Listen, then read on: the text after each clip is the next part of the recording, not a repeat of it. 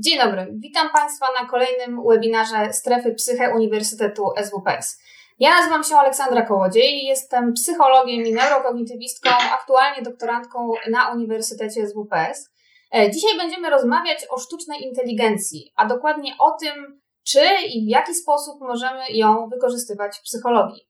E, a moim i Państwa gościem będzie dr Marcin Jaworski, psycholog, od kilkunastu lat związany z branżą IT, ale przede wszystkim współautor specjalności psychologia sztucznej inteligencji na kierunku e, psychologia informatyka na Uniwersytecie SWPS, który niebawem rozpocznie swoją działalność właśnie na naszym uniwersytecie.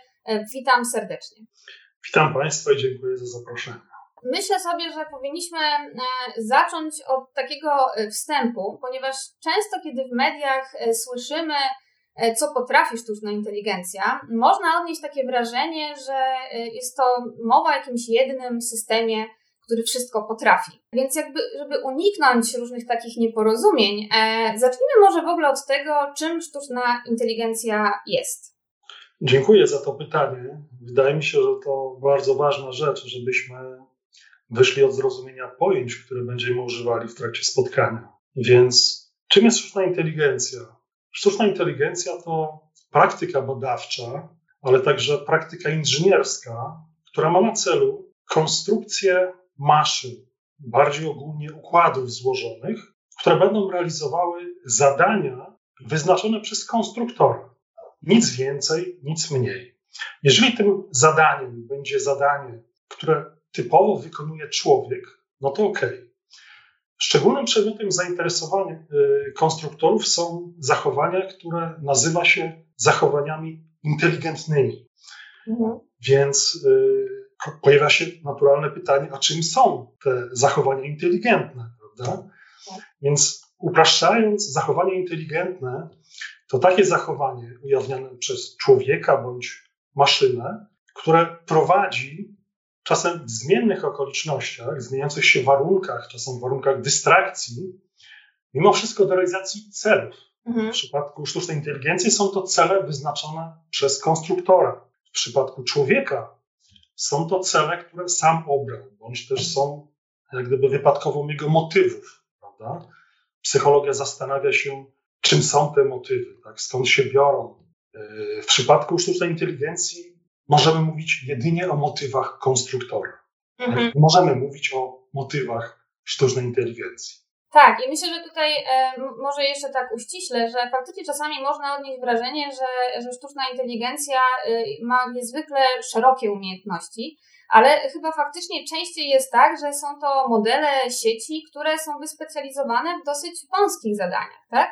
Tak, y, rzeczywiście, ponieważ głównym celem konstruktorów jest to, aby takie rozwiązania oparte na sztucznej inteligencji spełniały warunek użyteczności społecznej. Więc często takim konkretnym celem może być na przykład tłumaczenie tekstu z jednego języka na drugi, tak? prowadzenie pojazdu, poruszanie się po nierównym terenie, czy też wykrywanie anomalii y, w morzu transakcji bankowych.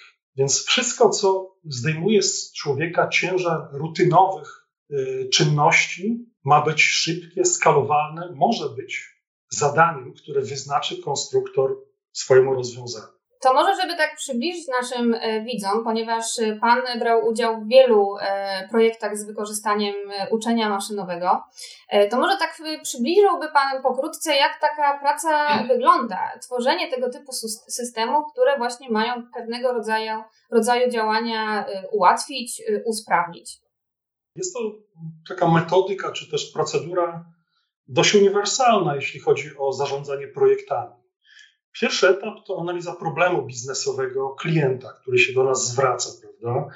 My, jako y, firma, która świadczy usługi oparte na sztucznej inteligencji, na rozwiązaniach wykorzystujących sztuczną inteligencję, po pierwsze musimy zrozumieć, czy w obszarze już, już istniejących technik czy też rozwiązań na gruncie sztucznej inteligencji można znaleźć jakie, które będzie adresowało te potrzeby biznesowe. Mhm. Najczęściej taką potrzebą, z którą zwraca się do nas klient, jest skalowalność procesów biznesowych oraz automatyzacja tych procesów biznesowych. Automatyzacja, czyli to oznacza, że pewne zadania mają być realizowane bez udziału człowieka, ale przy zachowaniu charakterystycznego dla niego właśnie, dla człowieka, poziomu trafności, precyzji. Często udaje się osiągnąć ten poziom i mówimy wówczas o tak zwanym human level performance, i to jest taki wskaźnik tego, czy udało nam się dobrać odpowiednie rozwiązanie.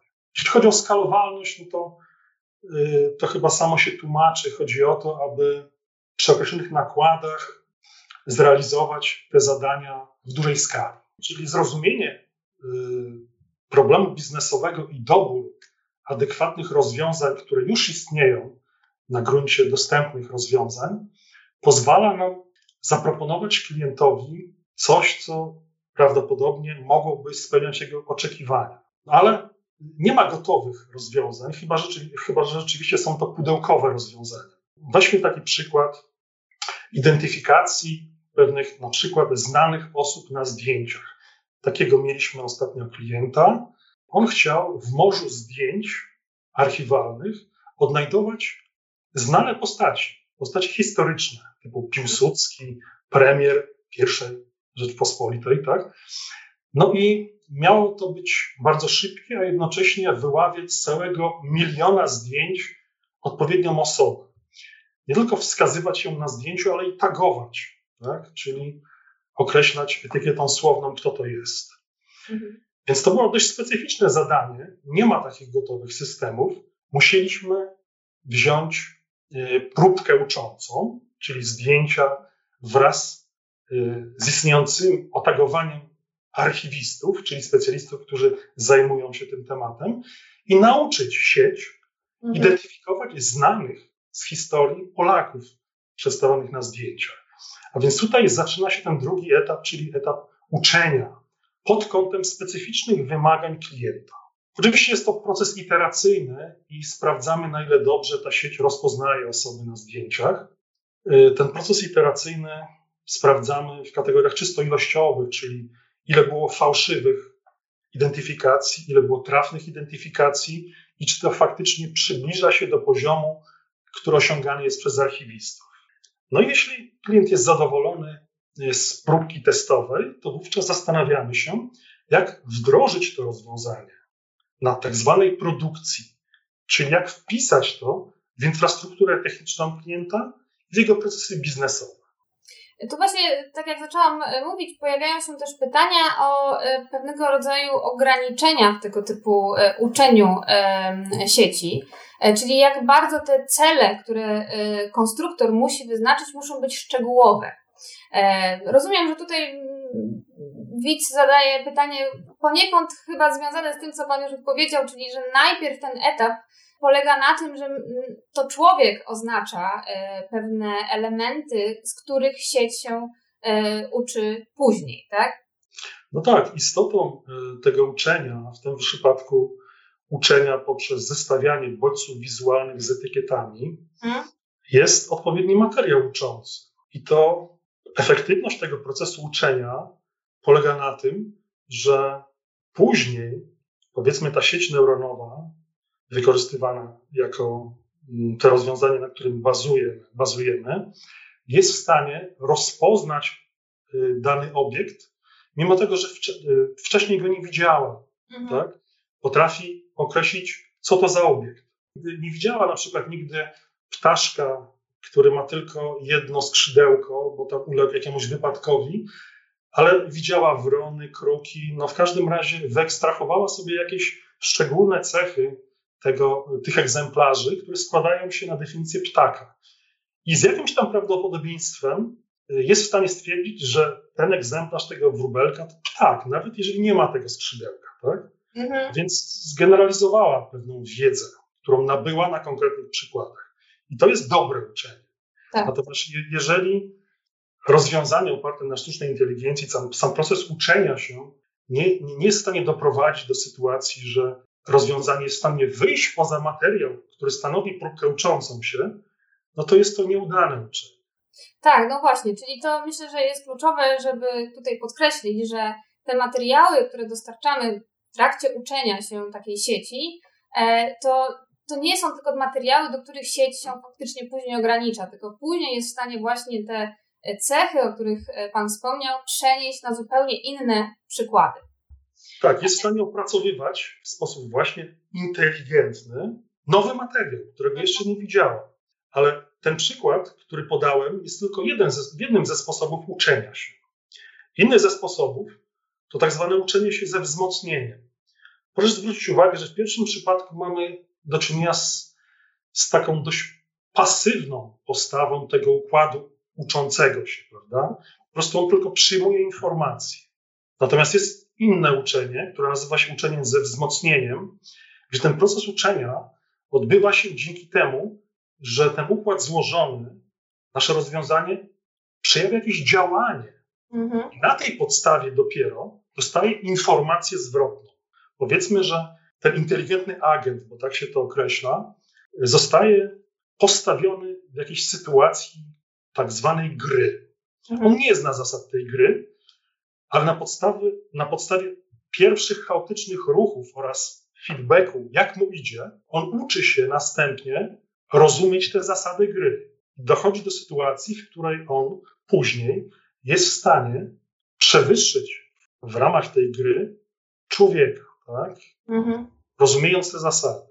Ale skoro już ten człowiek się w naszej rozmowie tutaj pojawił, e, to myślę, że przejdziemy trochę bardziej w kierunku właśnie tego głównego tematu naszego dzisiejszego spotkania, czyli gdzie faktycznie przecinają się drogi e, sztucznej inteligencji e, i psychologii, bo potencjalnie można mieć wrażenie, że sztuczna inteligencja jest taką dziedziną bardzo ścisłą, natomiast psychologia często kojarzy się raczej z dziedziną humanistyczną. E, no i pytanie, jak te dwie dziedziny ze sobą e, pożenić i co z tego może faktycznie potencjalnie wyjść. Drogi psychologii i sztucznej inteligencji przecinają się oczywiście na specjalności psychologia sztucznej inteligencji w ramach kierunku psychologia informatyka, który startuje w tym roku akademickim na Uniwersytecie SWPS, ale mniej żartobliwie, tym punktem przecięcia się praktyki badawczej psychologów i praktyki inżynierskiej konstruktorów sztucznej inteligencji są zachowania inteligentne właśnie, czyli te, które umożliwiają człowiekowi, czy też maszynie inteligentnej, inteligentne zachowanie, czyli adaptację do zmieniających się warunków. To jest jak gdyby wspólne jeżeli chodzi o takie obszary, w których można byłoby w psychologii właśnie znaleźć zastosowanie, e, gdzie moglibyśmy wykorzystywać, tak praktycznie rzecz ujmując, właśnie osiągnięcia z dziedziny machine learningu, sztucznej inteligencji? Hmm. Istnieją próby wykorzystania metodologii sztucznej inteligencji, konkretnie uczenia, maszyno, uczenia realizowanego w sieciach neuronowych, w symulacji pewnych podstawowych procesów psychicznych, mhm. poznawczych bardziej precyzyjnie. Mamy tu więc wpływ metodologii wykorzystywanej na gruncie sztucznej inteligencji. Y, mamy tu wpływ na psychologię, na rozwój psychologii. Tak? Mhm. Symulacja, symulacja pewnych wyizolowanych procesów, na przykład pobudzania i hamowania w układzie złożonym, który jakoś tam jest w stanie zamodelować układ nerwowy, może nam wyjaśnić pewne zjawiska, tak, wspólne dla układu złożonego oraz wspólne dla aparatu poznawczego. Czyli to jest ten kierunek przepływu wiedzy, czy też y, metodologii z obszaru sztucznej inteligencji do psychologii. A z drugiej strony możemy mówić o wykorzystaniu wiedzy psychologicznej podczas konstruowania architektur sieci neuronowych, najczęściej wielowarstwowych sieci neuronowych, gdzie chcąc poprawić wyniki tych, tych sieci, konstruktorzy zaczynają uwzględniać pewne komponenty charakterystyczne dla komponentów umysłu, czyli próbują zasymulować konstrukty psychologiczne w tych swoich sieciach, czy też układach złożonych. Takim przykładem jest próba implementacji tak zwanego kontekstu, uwagi, pamięci długotrwałej. Mhm. Czyli to są takie konstrukty które są obecne również w psychologii. Okazuje się, że uwzględnienie takich konstruktów w architekturze poprawia poziom wykonania w zadaniach realizowanych przez maszyny. I tutaj mówimy o wpływie czy też wykorzystaniu wiedzy psychologicznej w obszarze sztucznej inteligencji. Mhm. To ja może jeszcze troszeczkę podrążę ten temat. E, I zastanawiam się, czy w takim razie sztuczna inteligencja e, może pomóc nam dowiedzieć się czegoś nowego na temat funkcjonowania ogólnie psychologicznego czy poznawczego, tak jak pan doktor powiedział, czy jest tylko właśnie takim bardziej narzędziem, które wykorzystuje dotychczasową wiedzę zdobytą właśnie dzięki takim klasycznym badaniom w laboratoriach, tak, udokumentowaną e, no po prostu e, żmudnymi badaniami e, na osobach uczestniczących w tych badaniach. Czy tego typu tutaj wykorzystanie sztucznej inteligencji jest możliwe?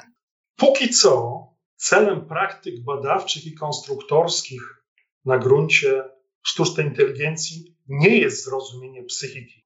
I to mhm. trzeba podkreślić. Wiedza psychologiczna dotycząca tych komponentów umysłu, typu uwaga, pamięć długotrwała, y, no, można powiedzieć, ma charakter instrumentalny wobec konstruowania maszyn, które będą zachowywały się w sposób inteligentny, będą zbliżały się z punktu widzenia wykonania zadań do człowieka, ale celem praktyk badawczych, konstruktorskich nie jest zrozumienie psychiki. Mhm. Tutaj należy podkreślić to wyraźnie. Tak? Mhm. Więc jeżeli jest jakiś y, przepływ wiedzy w tym obszarze, no to jest to jakiś efekt uboczny tak? praktyki konstruktorskiej. Niemniej sam, sam fakt rozpowszechnienia się rozwiązań bazujących na sztucznej inteligencji sam w sobie jest ciekawy z psychologicznego punktu widzenia, prawda? Tak. No bo, no bo przecież my korzystamy z tych rozwiązań, my w jakiś sposób jako ludzie reagujemy na tego typu rozwiązania, które oparte są na sztucznej inteligencji. Ciekawym tutaj wątkiem jest na przykład linia badań związana z zaufaniem bądź nieufnością wobec sztucznej inteligencji. Mhm. To nam w pewnym sensie coś mówi o człowieku, ale niestety póki co na takiej zasadzie mówi nam y, w podobny sposób, jak gdybyśmy obserwowali reakcję ludzi na niedźwiedzia, który ma różowe futro. Tak? Mhm. Nie bezpośrednio, tylko na zasadzie właśnie zaciekawienia. I tutaj te reakcje są bardzo różne. Od fascynacji poprzez antropomorfizację aż do lęku i agresji wprost wobec rozwiązań tego typu. Tak, to myślę, że jest w ogóle bardzo szeroki temat y, i, i to, to nawet myślę, że nie będziemy w stanie go wyczerpać dzisiaj, natomiast też do tego wrócimy, ponieważ przejdziemy w dalszej części naszej rozmowy również do wykorzystania właśnie sztucznej inteligencji, na przykład w w kontekście takiej psychologii praktycznej e, i do tego zaraz przejdziemy, a wręcz wrócimy do tego e, tematu. Ale e, pojawia się też takie pytanie i, taka może, nie wiem czy nadzieja, a może obawa tak naprawdę niektórych osób, czy komputery faktycznie diagnozują już skuteczniej niż, skuteczniej niż psycholodzy? Czy jest takie ryzyko dla osób, które się obawiają, a być może nadzieja, że dzięki tej właśnie wiedzy będziemy w stanie tak naprawdę mm, jeszcze więcej e, się dowiedzieć o, o funkcjonowaniu osób y, ogólnie psychologicznie, ale też także w kontekście właśnie takiego, takiej relacji terapeutycznej. To ciekawe pytanie. Ja bym się nad tym dłużej zatrzymał chętnie, ponieważ y, to jest jakby kilka rzeczy Pani poruszyła.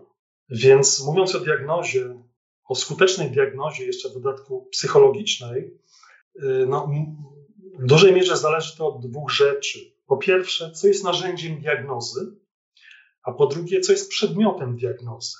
Tak? Jeśli weźmiemy jako narzędzie diagnozy przykładowo test Wechslera, mhm. który mierzy poziom intelektu, no to jest to narzędzie wystandaryzowane, trafne, rzetelne, i obiektywne. Czyli te mhm. wszystkie y, wymagania, które stawiane są w psychometrii narzędziom pomiarowym, są tutaj spełnione. Tak? Mierzy to do pomiaru, czego zostało skonstruowane. Wynik jest powtarzalny. Ale przede wszystkim, z punktu widzenia odpowiedzi na Pani pytanie, to narzędzie spełnia warunek obiektywności. Mhm. Czyli to oznacza, że niezależnie od tego, kto przeprowadza diagnozę tym narzędziem, powinien dojść do tych samych wyników. Mhm. Dlatego, że obiektywność uzyskujemy dzięki standaryzacji. Zazwyczaj na też dużej grupie, to może podkreślmy tutaj, bo być może nie każdy wie. Wyników surowych hmm? zgodnie z normami dla danej populacji. No i w związku z tym, skoro mamy spełnione wszystkie warunki psychometrii, a szczególnie ten warunek obiektywności, mhm. to oznacza, że teoretycznie nie powinno być różnicy pomiędzy tym, czy sztuczną inteligencję, czy inteligencję y, mierzy Jan Kowalski, psycholog, testem Wechslera, czy ten test przeprowadza rozwiązanie, które zostało wyszkolone mhm. w przeprowadzaniu pomiaru tym testem. Teoretycznie. A jak jest w takim razie w praktyce?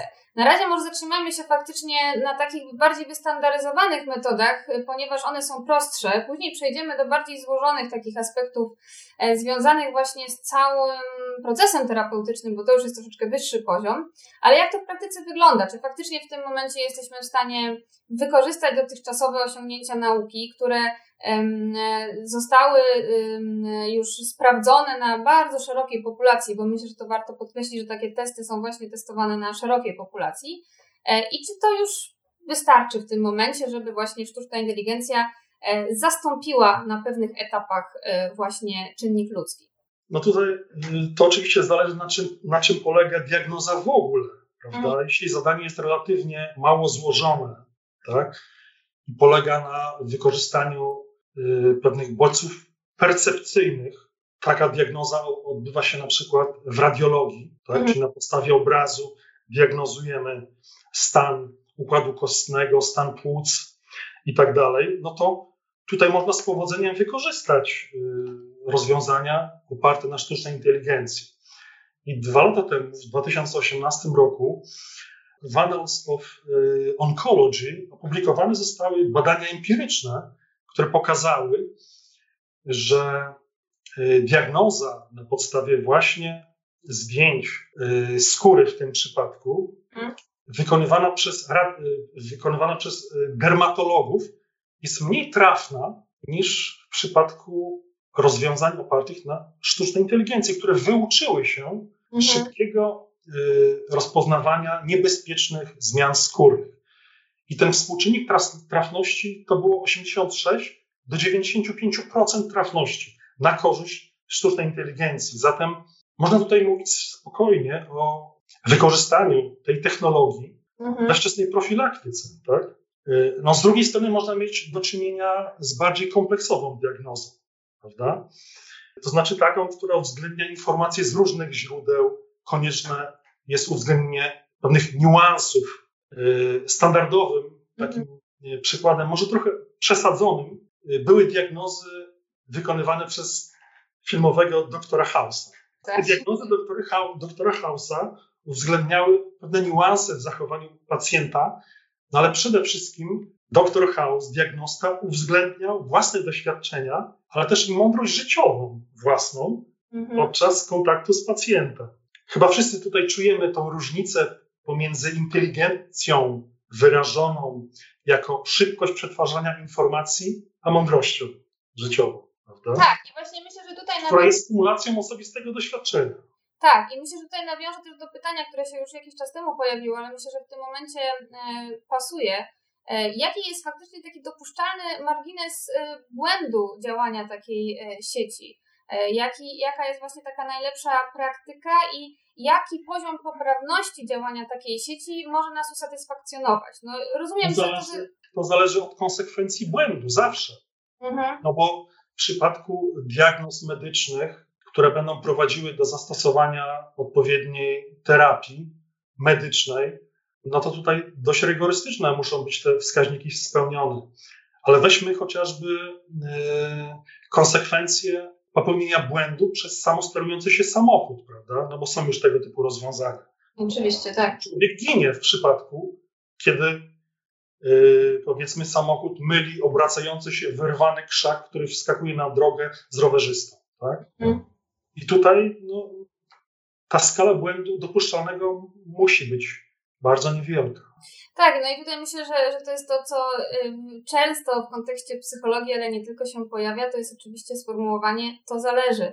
I myślę, że tutaj faktycznie warto podkreślić, że nie ma jakiejś złotej praktyki, jeśli chodzi o właśnie ten poziom poprawności sieci, tylko musimy to dostosowywać też trochę do kontekstu. Więc wrócę też może do tego naszego kontekstu psychologiczno-terapeutycznego, ponieważ jest to materia właśnie niezwykle delikatna, ale też właśnie wykształceni przez wiele lat terapeuci oczywiście mają y, bagaż y, ogromnej wiedzy y, wystandaryzowanej, ale jednak bardzo ważny jest również ten komponent właśnie doświadczenia. To, co Wam tutaj wspomniał w kontekście doktora Hausa, są takie elementy działalności psychoterapeuty, co moglibyśmy kolokwialnie określić takim czytaniem między wierszami wręcz i taką ogólną obserwacją właśnie pacjenta, tak, czy e, osoby, której, która właśnie przyszła po pomoc. I jak w takiej, w takiej bardzo złożonej sytuacji e, sztuczne sieci mogłyby e, albo sobie poradzić, ale bardziej jak właśnie psychoterapeuci mogliby potencjalnie je może wykorzystać? Na razie, z mojego punktu widzenia, jest to jeszcze wciąż science fiction. Dlatego wspomniałem o, o narzędziu test Wechslera jako narzędziu diagnozy, no ale w przypadku takiego spotkania w ramach kontraktu terapeutycznego, proszę zwrócić uwagę, że jest to zawsze y, jeszcze póki co relacja klient-terapeuta, tak. a nie klient-maszyna. Mhm. Także y, nie ma takich regulacji prawnych, które umożliwiałyby chociażby posługiwania się zwykłymi testami psychologicznymi nikomu innemu niż psycholog. Nie okay. mówiąc już o prowadzeniu terapii. Y, no tutaj w przypadku terapii y, kluczową kwestią jest interwencja. Tak? A podstawą tej interwencji jest y, budowa zaufania w relacji terapeutycznej, która następuje na podstawie dialogu, prawda? Dialogu, czyli pewnego rodzaju interakcji. No mhm. i tutaj jednak widzę jednak przepaść pomiędzy tym, co ma w swoim repertuarze człowiek terapeuta i maszyna, która mogłaby próbować wejść w tego typu zadania. Dlaczego? O ile mogę sobie wyobrazić, że można by zaimplementować y, słuchanie ze zrozumieniem jako element, prawda, takiego spotkania, które bazuje na takim syntonicznym chociażby, bądź też parafrazowaniu wypowiedzi klienta. Tak, jest tak, no ale z drugiej strony ten terapeuta się jakoś zachowuje, prawda? Przechyla się, nawiązuje, prawda? Jest to dynamiczna relacja. No, na razie, co trudno mi sobie wyobrazić y, w tej roli maszynę, tak? która podąża. Zresztą dialog, y, mówię o tym aspekcie werbalnym, no bo odbywa się też dialog pozawerbalny, to już jest wyższa szkoła jazdy. Tak. Zatrzymując się na, na tym dialogu czysto werbalnym, no maszyna nie jest w stanie uchwycić pewnych niuansów, chociażby zawartych w języku naturalnym. Tutaj często, y, częstą techniką mm, wykorzystywaną w terapii jest metafora. Metafora, która jest pewną techniką, która na metapoziomie pozwala zintegrować pewne sprzeczne pozornie wątki w sytuacji klienta i uzyskać tak zwany wgląd na wyższym poziomie, który prowadzi do przejścia kolejnego progu mhm. w procesie terapii. No, jeszcze z tego co wiem, maszyny nie są w stanie operować metaforami. Mhm. Traktują tekst literalnie. E, tak, i myślę, że tutaj się może dopytam, ponieważ zaczęliśmy może od bardziej złożonego problemu, natomiast y, wiemy, że y, w kontekście takiej e, interwencji terapeutycznej też pojawiają się takie sytuacje bardzo dramatyczne, kiedy jest potrzebna natychmiastowa reakcja. E, I oczywiście mamy szereg różnego rodzaju ośrodków, do których osoby w trudnych sytuacjach życiowych mogą się zwrócić, ale no, oczywiście nakład tego czynnika ludzkiego jest tutaj niezwykle potrzebny. I wiem, bo rozmawialiśmy też jeszcze przed tą tutaj online rozmową, że są pewne próby właśnie stworzenia takich systemów, które mogłyby jakby zdiagnozować bardzo szybko, dychotomicznie, czy dana osoba, która dzwoni pod dany numer, jest na przykład w stanie zagrożenia życia, czy ma myśli samobójcze. I w takich sytuacjach, gdzie odpowiedź jest tak naprawdę właśnie tak albo nie, być może takie systemy mogłyby być takim e, wsparciem e, dla terapeutów. Jak e, pan doktor to ocenia i czy faktycznie tego typu systemy są już możliwe? Jak one funkcjonują? Czy się sprawdzają? Tak. Niedawno Google wyłożył półtora miliona dolarów dla projektu o nazwie Trevor. Mhm. Był to projekt realizowany przez organizację non-profit, Projekt, który miał wspierać młodzież z problemami tożsamościowymi. Taki została specjalnie uruchomiona infolinia y, oraz dedykowane czaty, gdzie mógł y, młody człowiek też porozmawiać. I to, co się działo, to w przeciągu pierwszych kilku sekund w trakcie kontaktu podejmowana została próba diagnozy tego, czy ten człowiek młody jest narażony na, na, na myśli samobójcze, czy jakie jest zagrożenie samobójstwem. Tak? To jest sytuacja, w której e, osoba, która dzwoni na infolinię bądź próbuje się porozumieć przez czat, nie może czekać. E, I wykształcono rozwiązania oparte na sztucznej inteligencji, które na podstawie pierwszych słów, tonu głosu, sposobu wypowiedzi były w stanie trafnie zidentyfikować tych młodych ludzi i natychmiast przekierować je do człowieka, który mhm. udzielał wsparcia. Tak? Tak. Więc to się już dzieje, to się już dzieje, przy czym tak jak y, tutaj widać na przykładzie, jest to wąska specjalizacja, prawda? Ale tutaj co się liczy?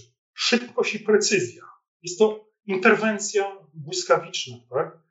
Tak, właśnie myślę, że w takich właśnie nie to, że prostszych, ale prostszych tak e, konceptualnie właśnie zadaniach, te sieci mogą faktycznie odciążyć niejako i tak już przeciążony system, e, ponieważ e, jednak wsparcia kryzysowego terapeutów, którzy mogą w takich sytuacjach zareagować, możemy ich siły przekierować już na faktyczną interwencję. Natomiast to, co się zastanawiam, nie wiem, być może pan doktor wie, jak się taki system faktycznie trenuje, ponieważ tutaj ta y, poprawność działania sieci, wydaje mi się, jest akurat, jest to kontekst, w którym ta poprawność jest ważna, żeby była dosyć wysoka. Czy to jest trenowanie na jakichś na przykład danych historycznych?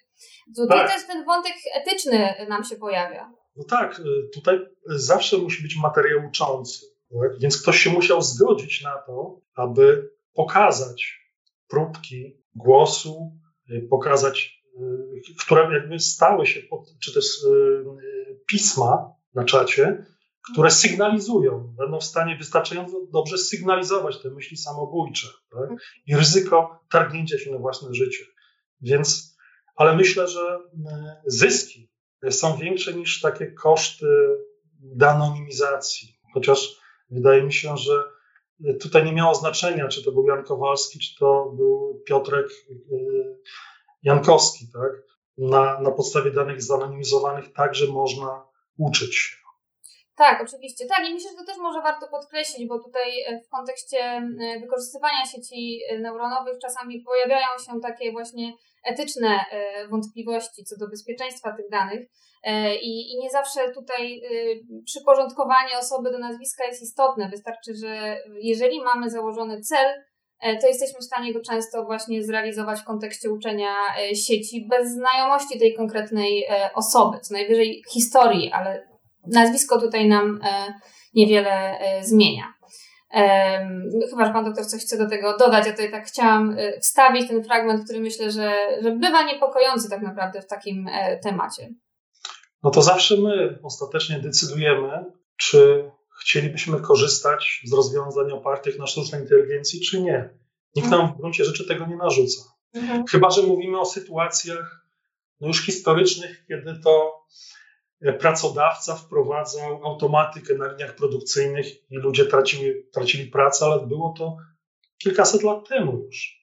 To ja może tutaj przejdę od razu do pytania, które co prawda trzymałam na koniec, ale skoro się pojawił ten wątek, to wydaje mi się, że faktycznie jest taki pewnego rodzaju e, niepokój, czy sztuczna inteligencja finalnie wygra z czynnikiem e, ludzkim.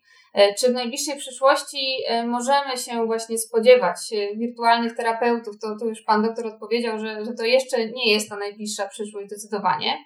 Ale wiele osób obawia się, że komputery mogą pozbawić wiele osób miejsc pracy. Czy faktycznie takie ryzyko jest?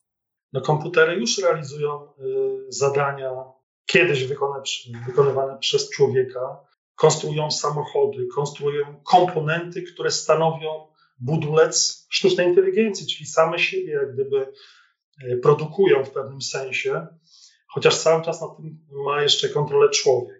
Tak? Mhm. E, ale użyła Pani takiego pojęcia wygra z czynnikiem ludzkim. No tutaj należałoby dookreślić, co to znaczy ten czynnik ludzki i przede wszystkim, co to znaczy wygra. Ja, ja tego akurat nie rozumiem, ponieważ e, trudno mi jest zrozumieć, że tutaj może być jakakolwiek rywalizacja. Maszyny nie mają potrzeb, nie ma, w związku z tym nie mają, e, nie mają możliwości rywalizowania. Zawsze decyzję podejmuje człowiek.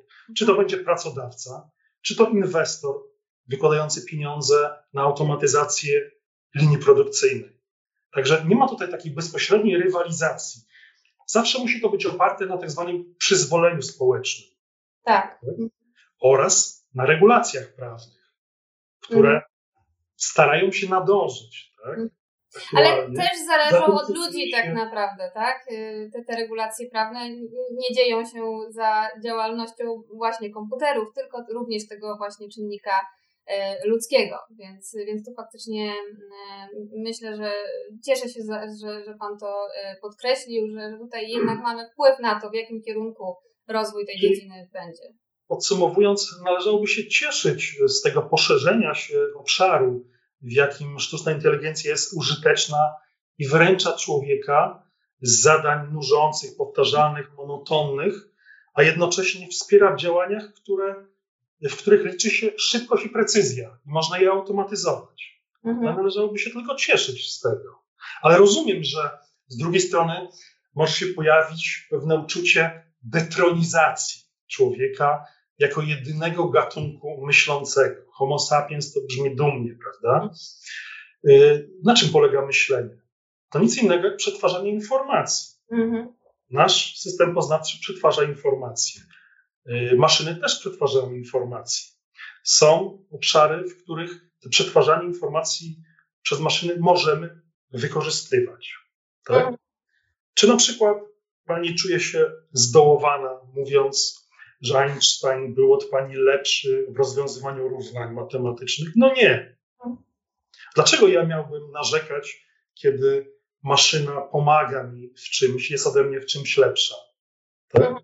Tak, jak najbardziej. E, zerkam tutaj na, na pytania naszych e, widzów i widzę, że toczy się już od pewnego czasu też dyskusja właśnie, jak e, właśnie ta perspektywa psychologa, jak psycholog w swojej praktyce mógłby wykorzystać sieci neuronowe. To znaczy już wiemy, że, że nam sieci neuronowe tutaj w tym momencie no nie, nie, nie zabiorą terapeutów i jednak ten doświadczenie i bycie ekspertem jest bardzo ważny, ale czy skoro mówimy o tych takich zadaniach nużących, czy są jakieś takie rzeczy, które właśnie psychologowie mogliby wdrożyć w swoją praktykę, aby sobie ułatwić e, pracę?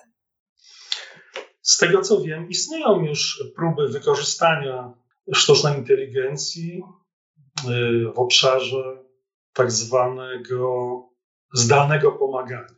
E, jest z tego co wiem, nawet na SWPS-ie projekt, w którym y, gromadzone są pewne scenariusze przydatne do udzielania takich zdalnych interwencji. Mhm. mają charakter psychologiczny, tak? tak. Więc y, no, są y, działania podejmowane w tym kierunku.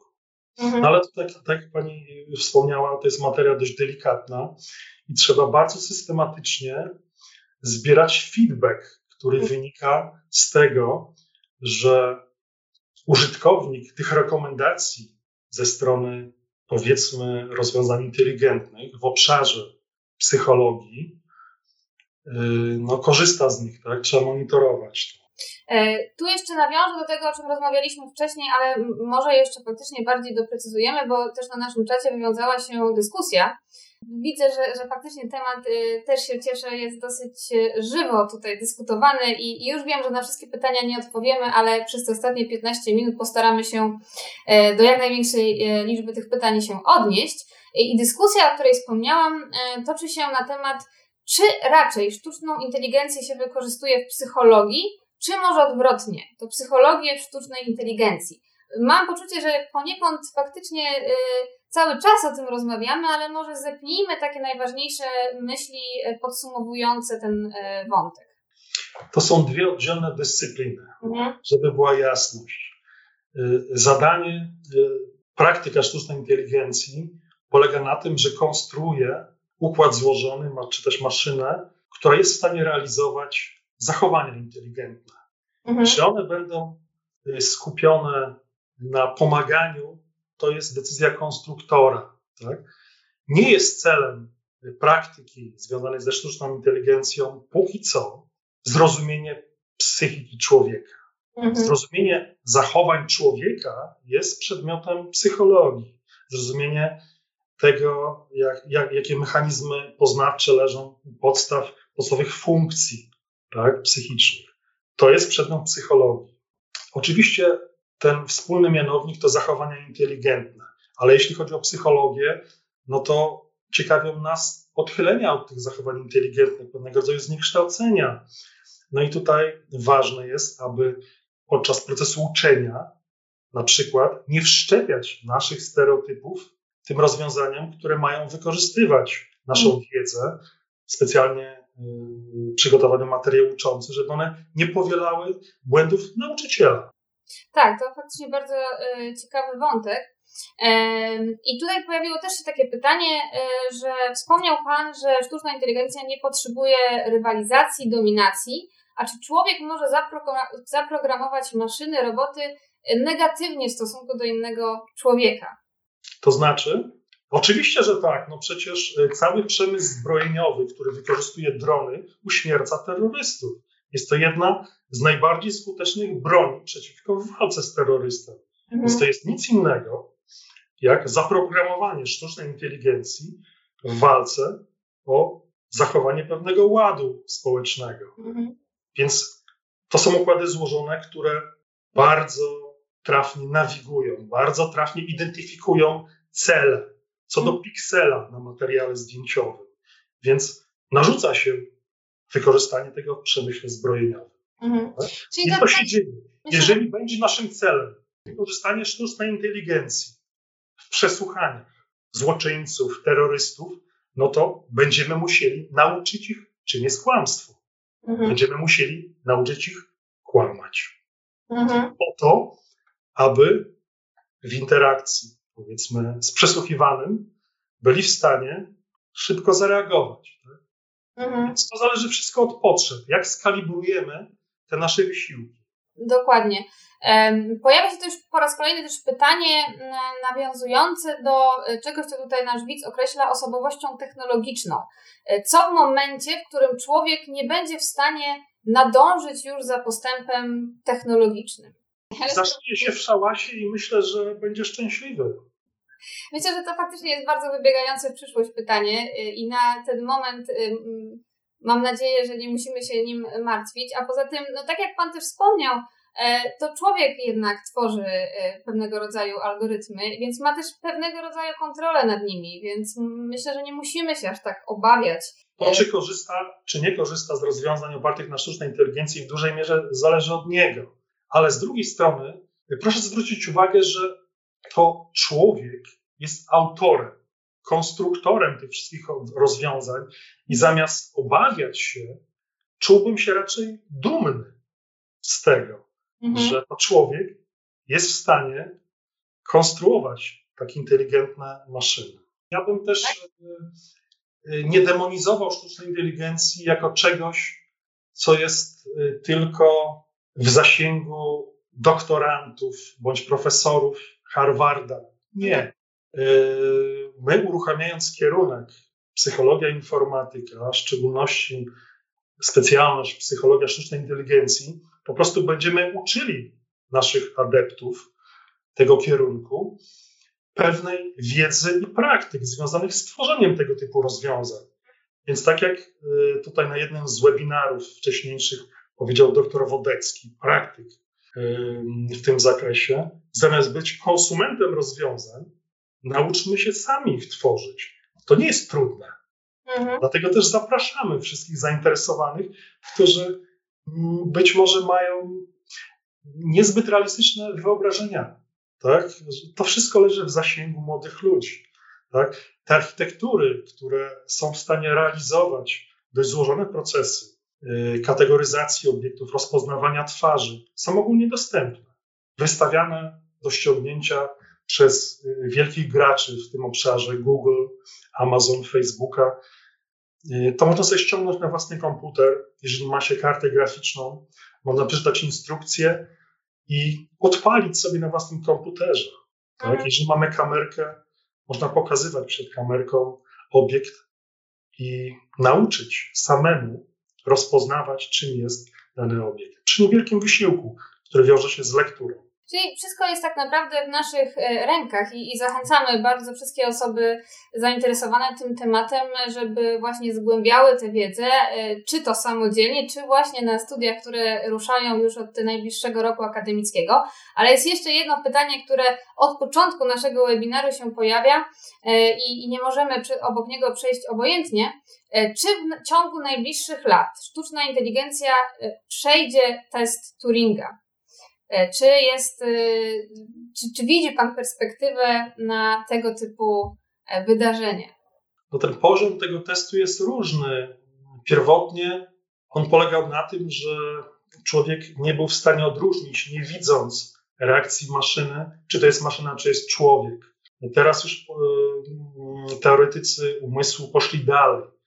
Nie chodzi tylko o mm, odróżnienie, ale o taką naturalną interakcję. Mhm.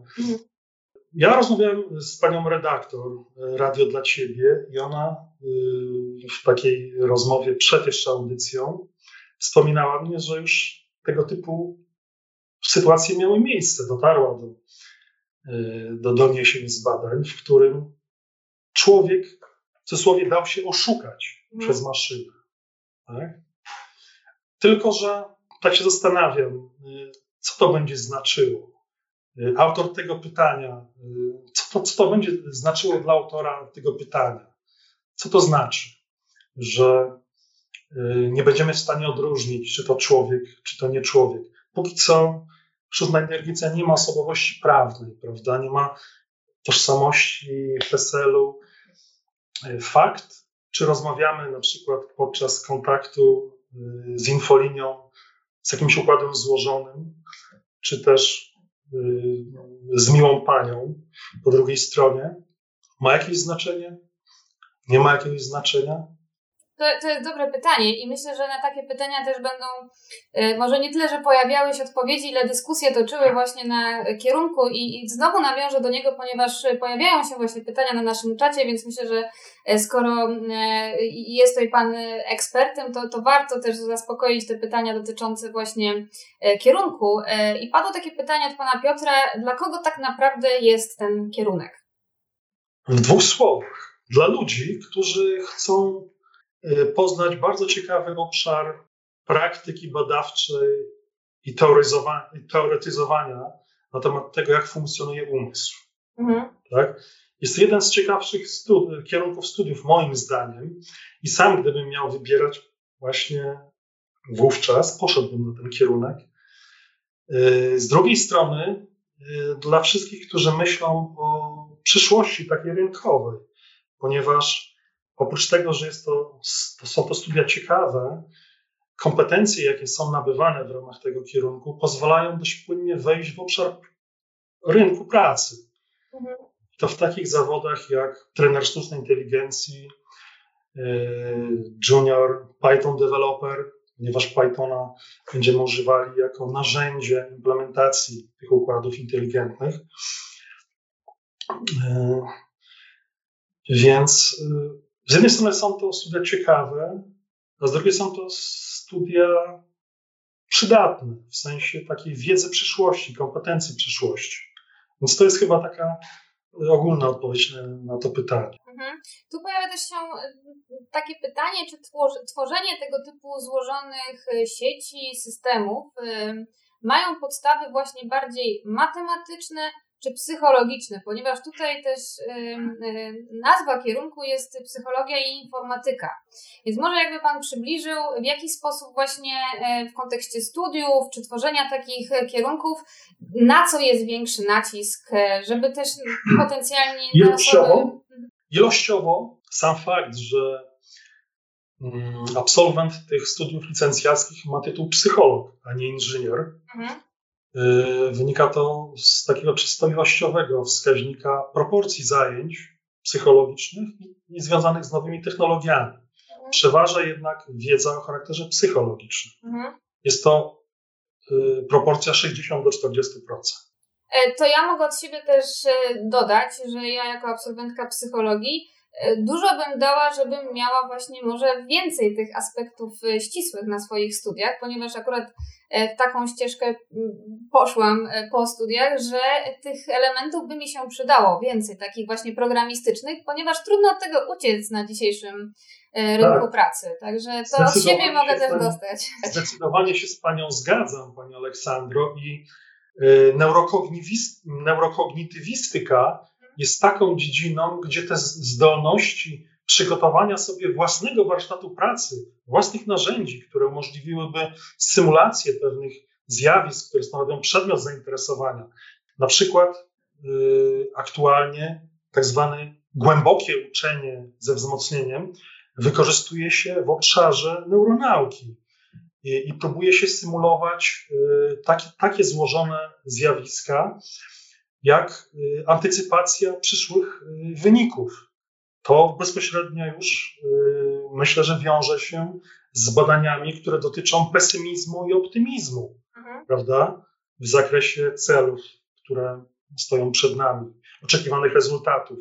Więc skoro układy złożone y, uczą się, antycypując y, sukces bądź porażkę, możemy wykorzystywać tą metodologię w symulowaniu dość złożonych procesów psychologicznych i odzwierciedla to nieraz zainteresowanie psychologów, którzy do tej pory nie wykorzystywali tej metodologii, zajmując się y, sprawczością na przykład tak? Poczuciem sprawczości. Tak, myślę, że, że to jest bardzo ważne, o czym Pan wspomniał, bo e, faktycznie e, wiele aspektów psychologicznych moglibyśmy e, nawet nie w praktyce, ale w tej takiej części stricte naukowej, badawczej usprawnić, mając ten warsztat taki programistyczny. Więc myślę, że, że to warto też podkreślić, że to jest dosyć szeroka dziedzina. I y, potencjalni studenci nie muszą już teraz decydować, że będą konkretnie nad daną, nad daną tematyką się skupiać, tylko te umiejętności wykorzystają naprawdę i w nauce, i w biznesie, y, więc to, to jest bardzo szybko rozwijająca się i szeroka dziedzina. To, że y, praktycy sztucznej inteligencji nie zajmują się próbą zrozumienia psychiki człowieka, nie oznacza to wcale, że my się nie będziemy tym zajmować, podczas studiów. Mhm. Jest to pionierski kierunek, więc y, postaramy się połączyć te dwie dyscypliny praktyki i badań. To może już tak na koniec, ponieważ no, y, dyskusja się toczy i, i z bólem myślę, że będziemy kończyć. Natomiast y, wiele też pytań się pojawia właśnie, jak się przygotować na przykład. Albo pada jedno pytanie od pana Jana. Jako programista w jakim kierunku powinienem się szkolić, żeby w przyszłości pracować właśnie przy sztucznej e, inteligencji. E, tutaj inna osoba, pan Krzysztof, zadaje pytanie, do jakich książek warto sięgnąć, żeby trochę się e, właśnie przygotować do tego typu tematyki. Jakby mógł tutaj Pan dać jakieś rady dla osób, które się zainteresowały tym tematem i chciałyby trochę się samodzielnie rozwinąć, czy to przygotowując się do nowej pracy, czy do właśnie aplikowania na kierunek psychologia i informatyka? No tutaj myślę, że jeśli chodzi o taką stronę warsztatową, technologiczną, dominuje Python jako mhm. język, y, który umożliwia szybkie prototypowanie. Y, większość bibliotek związanych z data science i ze sztuczną inteligencją posiada właśnie ten odpowiednik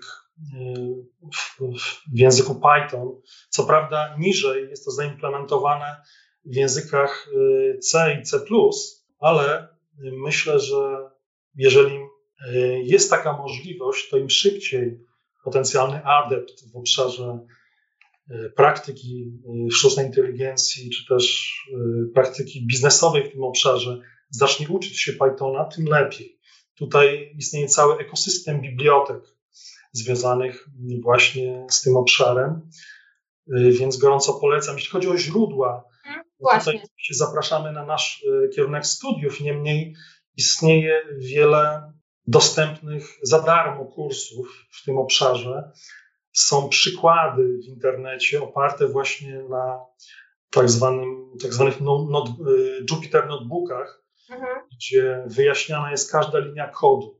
Mhm.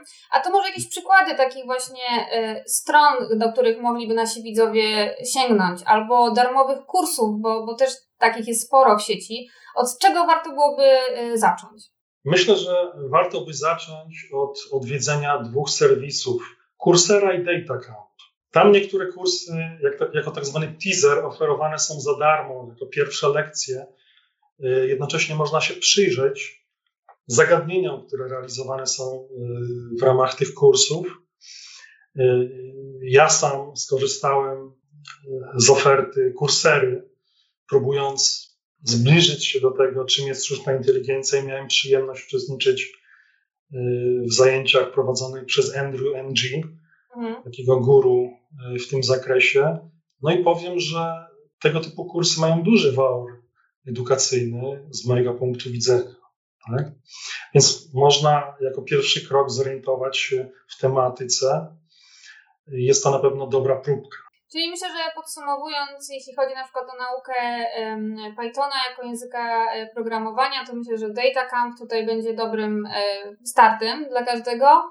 E, no i na pewno na kurserze właśnie szereg kursów, czy to programistycznych, czy związanych już z zastosowaniami sztucznej inteligencji.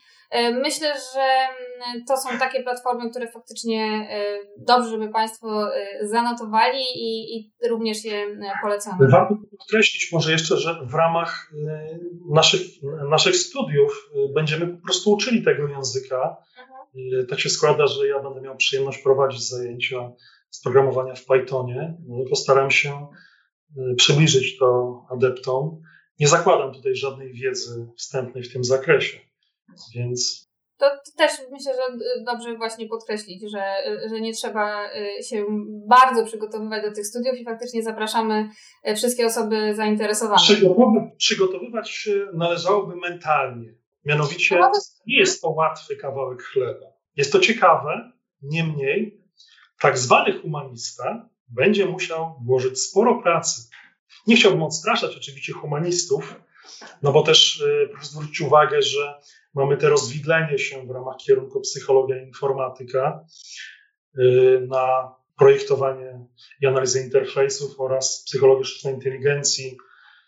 Y, są webinary temu, mm, tej drugiej odnodze poświęcone, więc myślę, że tutaj też jest odpowiednia zawartość informacyjna i każdy będzie mógł sobie wybrać zgodnie z preferencjami. Ale też od razu ja zachęcę na kolejny webinar z profesorem Wodeckim, gdzie właśnie będziemy mówić o tym, jak humaniści mogą się odnaleźć w kontekście sztucznej inteligencji. Także jeżeli ktoś z Państwa obawia się, że może jest za bardzo jednak humanistyczny i nie podoła, a bardzo go ten temat interesuje, to zapraszamy na kolejne spotkania e, z tego Ja sam jestem humanistą, czuję się humanistą, niemniej zajmuję się akurat tym tematem, więc nie jest to coś, co nie jest dla tak zwanego humanisty do przebrnięcia. E, I bardzo dziękuję. Myślę, że na tym e, zakończymy nasze dzisiejsze spotkanie. Moim i Państwa gościem był dr Marcin Jaworski, e, współtwórca właśnie kierunku, o którym na koniec sporo mówiliśmy. Bardzo dziękuję Panu za podzielenie się wiedzą i swoim doświadczeniem. Państwu dziękujemy za bardzo duże zaangażowanie i aktywność podczas trwania naszego webinaru. Już teraz zapraszamy na kolejne webinary z cyklu o sztucznej inteligencji. Informacje pojawią się już wkrótce na blogu psycheswps.pl, a w międzyczasie zachęcamy również do czytania i oglądania i słuchania naszych materiałów na blogu, na YouTubie i w serwisach podcastowych. Raz jeszcze wszystkim i panu doktorowi dziękuję i do zobaczenia na kolejnym webinarze. Dziękuję i zapraszam na studia.